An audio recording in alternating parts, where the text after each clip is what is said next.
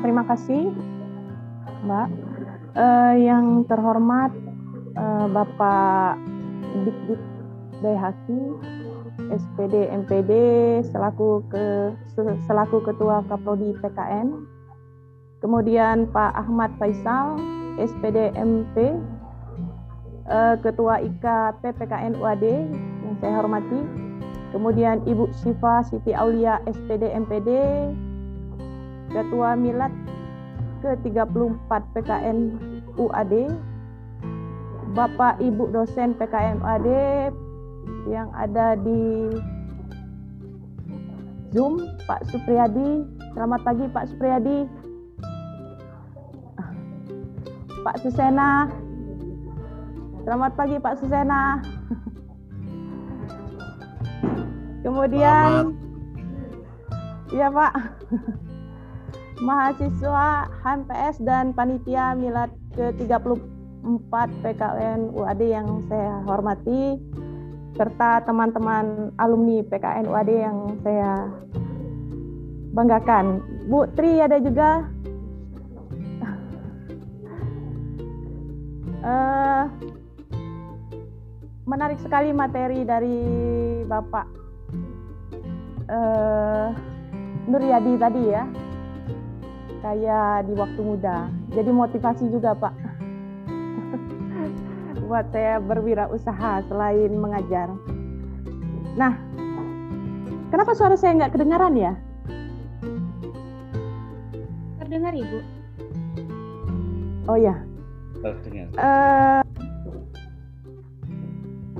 untuk di Bangka Belitung ini, Pak Dik banyak alumni PKN UAD yang kemarin ikut tesnya PNS dapat eh, kebetulan Mbak Tisa ada nggak di sini ya? Di Lepar Pongok dapatnya di, di pulau dia. Kemudian eh, ada juga eh, Vertika banyak Pak Dik alumni UAD Alhamdulillah Iya, tidak bisa saya sebutkan satu-satu. Uh, pada saat MGMP ketemu, kan tanya-tanya gitu kan alumni mana? Ternyata alumni PKN UAD. Alhamdulillah. Nah, untuk materi uh, pada pagi hari ini saya mengangkat tentang tantangan dan prospek guru PKN di era 4.0 masa pandemi COVID-19. Nah, ini ini saya jadi guru e, mengalami juga nih tantangannya di lapangan. Nah, e, terus selanjutnya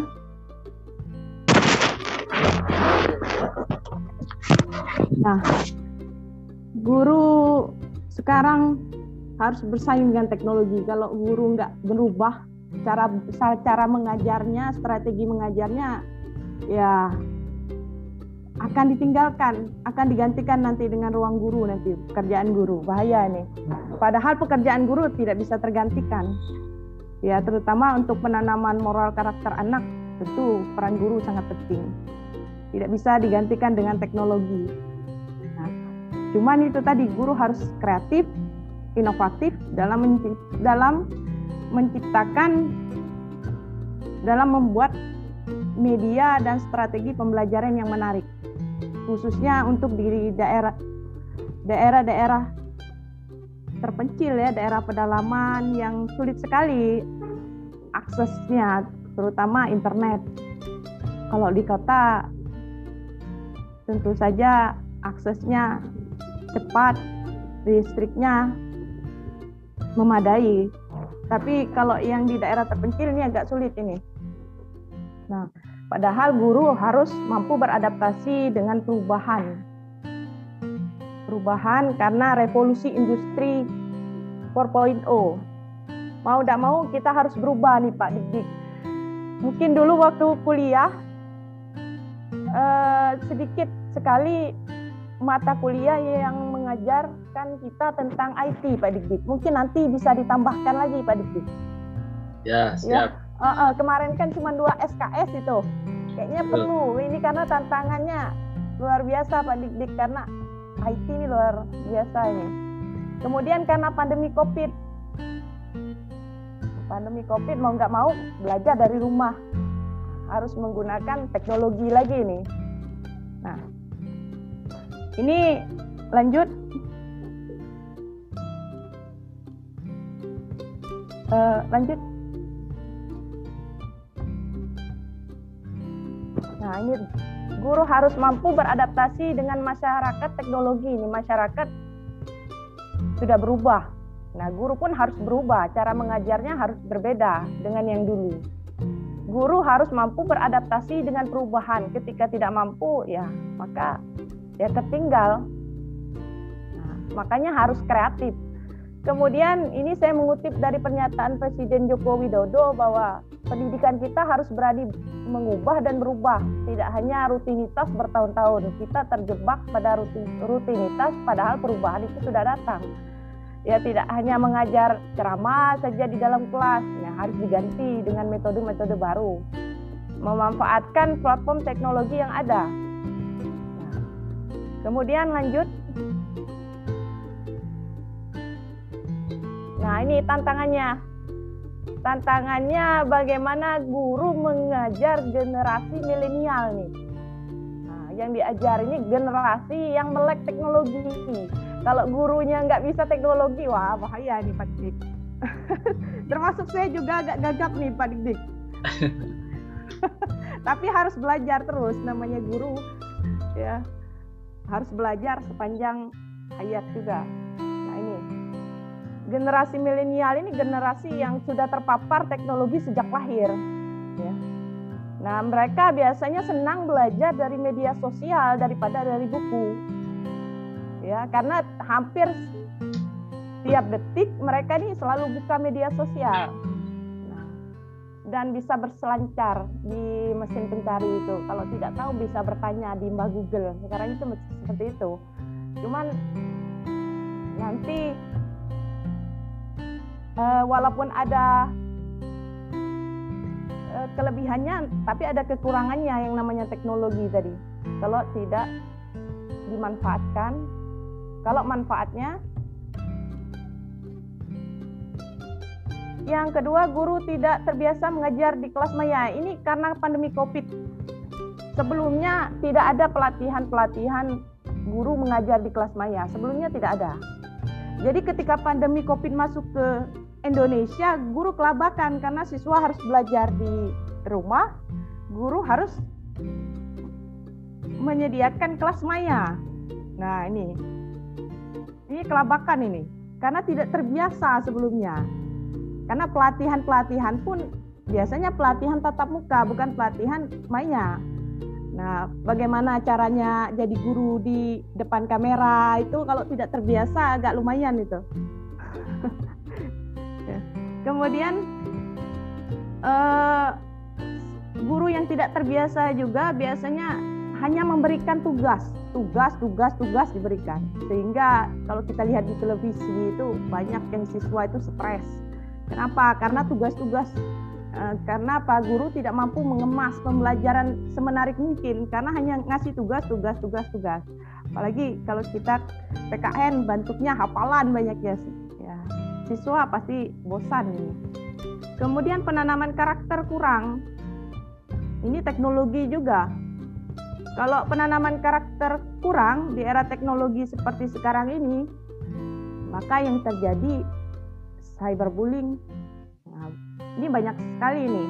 Bagaimana anak-anak itu kadang-kadang eh, membuat status misalnya, atau komentar-komentar yang tidak sesuai misalnya dengan etika. Kemudian pornografi banyak sekali. Berita-berita hoak. Nah, kadang-kadang anak tidak bisa membedakan ini berita benar, berita hoak. Nah, yang ditakutkan kalau di-share jejak digital ini bisa menimbulkan petaka. Makanya perlu kami guru mengedukasi anak-anak bahwa bijak bermedia sosial itu penting. Jangan sampai eh, tadi jejak digital membawa petaka. Karena ada undang-undang informasi transaksi elektronik kita bisa dijerat nanti. Kalau e, men-share sesuatu yang menimbulkan perpecahan misalnya atau radikalisme sifatnya. Karena itu tadi literasi membaca kita sangat kurang. Literasi membaca anak-anak sangat kurang sehingga tidak dibaca langsung di-share kadang-kadang. nah, kemudian kurang optimalnya kolaborasi orang tua dan guru dalam memantau perkembangan anak selama belajar di rumah ini ya. Karena tidak terbiasa tadi Pak Dik Dik nah, nanti makanya untuk uh, prodi PKN perlu yang namanya uh, mikro teachingnya online nanti. Mengajar siswa online. Iya tidak hanya tatap muka aja Pak selanjutnya Nah ini ini titipan dari Mbak Nisa Lia Duata ini. Uh, katanya kemarin WA saya boleh nggak nitip katanya. Uh, untuk guru untuk sekolah sekolah-sekolah yang memang uh, bagus ya. Uh, penguasaan bahasa asing ini kadang-kadang menjadi hambatan untuk masuk ke sekolah yang bagus tadi. Nah, apalagi mengajar di luar negeri. Nah, diharapkan bahwa prodi PPKN UAD nantinya menambah lagi untuk apa ya SKS eh, mata pelajaran mata kuliah bahasa asing Pak Didi seperti bahasa Inggris nanti supaya jadi lulusan PPKN UAD ini ya bisa bersaing tidak hanya di nasional tapi internasional juga. Kalau bahasa asingnya bagus seperti itu Pak Dik bisa juga kuliah di luar kan Pak Dik nah kemudian literasi digital guru ini masih kurang sekali. Nah, ini ini jadi masalah ini terutama guru yang generasi baby boomers. Uh, yang mereka ulet dalam bekerja cuman penguasaan terhadap IT-nya kurang sehingga biasanya sekolah melakukan pelatihan. Nah, guru belum mengoptimalkan media pembelajaran nah, dengan menggunakan platform teknologi yang ada. Banyak sebenarnya platform teknologi yang ada, cuma tadi di literasi digitalnya sangat kurang sekali. Gagap teknologinya luar biasa. Nah, kemudian ketersediaan jaringan internet terutama untuk di daerah pedalaman ini. Kebetulan uh, anak Kurniati ada juga di acara virtual ini Pak. Dia sekarang jadi guru di Papua. Saya lihat tadi ada, mungkin dia sering juga cerita bahwa uh, fasilitas internet jaringan ini jadi hambatan buat dia untuk mengajar di sana. Kemudian pengaruh tingkat ekonomi keluarga. Ini juga sangat berpengaruh. Saya merasakan sekali ketika mengajar di sekolah yang ekonomi keluarganya eh, kebutuhan eh, anaknya tercukupi untuk belajar itu sangat berbeda sekali eh, kemampuan anak-anaknya. Nah, belum tumbuhnya kemandirian belajar siswa ini jadi persoalan juga karena anak-anak juga belum terbiasa untuk belajar online karena biasanya anak-anak ini ya belajar ya tatap muka tadi. Ini yang jadi masalah. Kemandirian belajar ini kan eh, sudah diterapkan negara maju tetapi Indonesia ini ya masih belum ya karena pandemi Covid ini aja anak-anak harus belajar di rumah mau tidak mau anak-anak harus mandiri belajar di rumah. Uh, kemudian, nah ini prospek guru PKN ini. Uh, era pandemi COVID-19 membuat guru harus kreatif, mau nggak mau nih harus belajar nih. Yang dulunya gaptek harus harus belajar nih. Gimana caranya? Saya biasanya belajar di YouTube. Kalau nggak ngikut webinar, bagaimana caranya bikin media yang menarik kayak gitu Nah, kemudian guru nih bisa menjadi YouTubers nih. Nah, ini banyak teman-teman guru yang dapat penghasilan tambahan dari pekerjaannya sebagai YouTubers dengan membuat konten-konten video pembelajaran PKN. Jadi jangan takut adik-adik mahasiswa PKN ini. Nah, kalian bisa jadi YouTubers. Kemudian menjadi penggiat startup pendidikan ini bisa mendirikan bimbingan belajar online. Ini peluang semua ini. Secara virtual, kemudian menjadi animator ya. Nah, guru bisa menjadi animator ini juga bisa menjadi penghasilan tambahan buat guru. Nah, mengajar tidak hanya digaji pemerintah sebagai ASN tapi juga nah, dapat uang tambahan ini sebagai animator. Kemudian siswa lebih tertarik dengan video atau film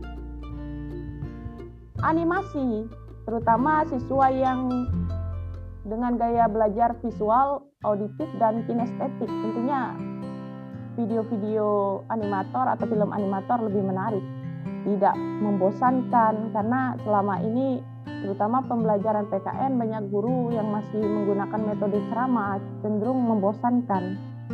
Nah, bisa guru yang memiliki kemampuan dalam membuat animator ini bisa mengemas pembelajaran PKN secara lebih menarik lagi. Nah, lanjut. Selanjutnya. Nah, kemudian yang keempat menjadi wirausaha. Yang kata Bapak Nuryadi tadi, Nah, tapi wirausahanya dengan memanfaatkan teknologi ini. Nah, apalagi kan sekarang kita sudah e-commerce ya apa-apa jual beli sudah online semua. Makanya harus kreatif. Nah, guru jangan pernah puas berinovasi. Kalau pendapatannya sebagai gunung honor misalnya kurang, ah, dia harus jadi entrepreneur tadi berinovasi cari penghasilan tambahan. Tadi dengan memanfaatkan teknologi mengajar sambil dapat uang juga dari profesinya sebagai tadi youtuber, sebagai influencer nanti. Kemudian yang kelima, guru yang menguasai teknologi informasi biasanya akan jadi mentor nih, coach untuk guru-guru lain di sekolah atau di luar sekolah. Nah, kalau Eh, guru-guru uh, yang sudah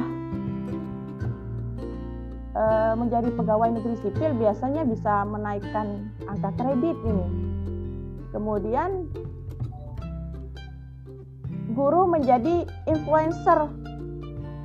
Influencer artinya apa? Guru PKN bisa nanti jadi influencer mengedukasi siswanya dan masyarakat tentang wawasan Pancasila secara online. Nah ini, ini eh, bagaimana guru PKN memanfaatkan teknologi di era revolusi industri masa pandemi COVID-19. Jadi guru itu bukan seperti dulu lagi, harus berubah. Kalau tidak berubah, nanti pekerjaan guru akan digantikan dengan ruang guru nanti. Karena ruang guru banyak siswanya. Karena e, menyediakan konten-konten yang lebih menarik. Nah, sedangkan guru di kelas hanya mengajar ya seperti itu saja, tidak ada perubahan. Nah, ini yang jadi tantangan sekali e, untuk e, mahasiswa PKN UAD nanti. E, begitu selanjutnya. Nah, terima kasih eh, karena telah memberi kesempatan kepada saya untuk menjadi narasumber. Saya juga masih belajar Pak Dikik.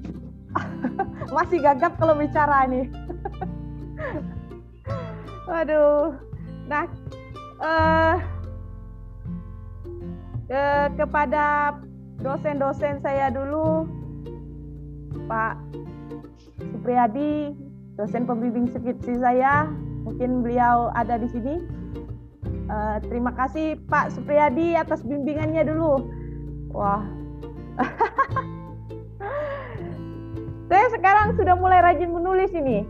Soalnya dulu waktu proposal skripsi habis proposal saya dicoret semua. Dari Pak Supri. Salah semua katanya. Tapi jadi motiv motivasi saya, Pak. Bagaimana cara bikin tulisan yang baik dan benar. Terima kasih ya, Pak ya ilmunya. Pak Susena, terima kasih Pak Susena. Bu Tri, ada tadi Bu Tri. Pak Dik-Dik, kasih ya Pak Dik-Dik ya. Semoga Bapak Ibu dosen selalu diberikan kesehatan oleh Allah Subhanahu wa taala. Itu aja Bu Tri. Terima kasih Bu Tri. Ah, Bu Tri ini yang desak saya untuk wisuda lebih cepat ini. Ya Bu Tri, masih ingat saya Bu Tri? tiga tahun apa ya tiga tahun delapan bulan apa ya? Saya mau menunda tapi dimarahin dari Putri terima kasih ya Bu ilmunya. Itu aja. Uh, saya ucapkan wassalamualaikum warahmatullahi wabarakatuh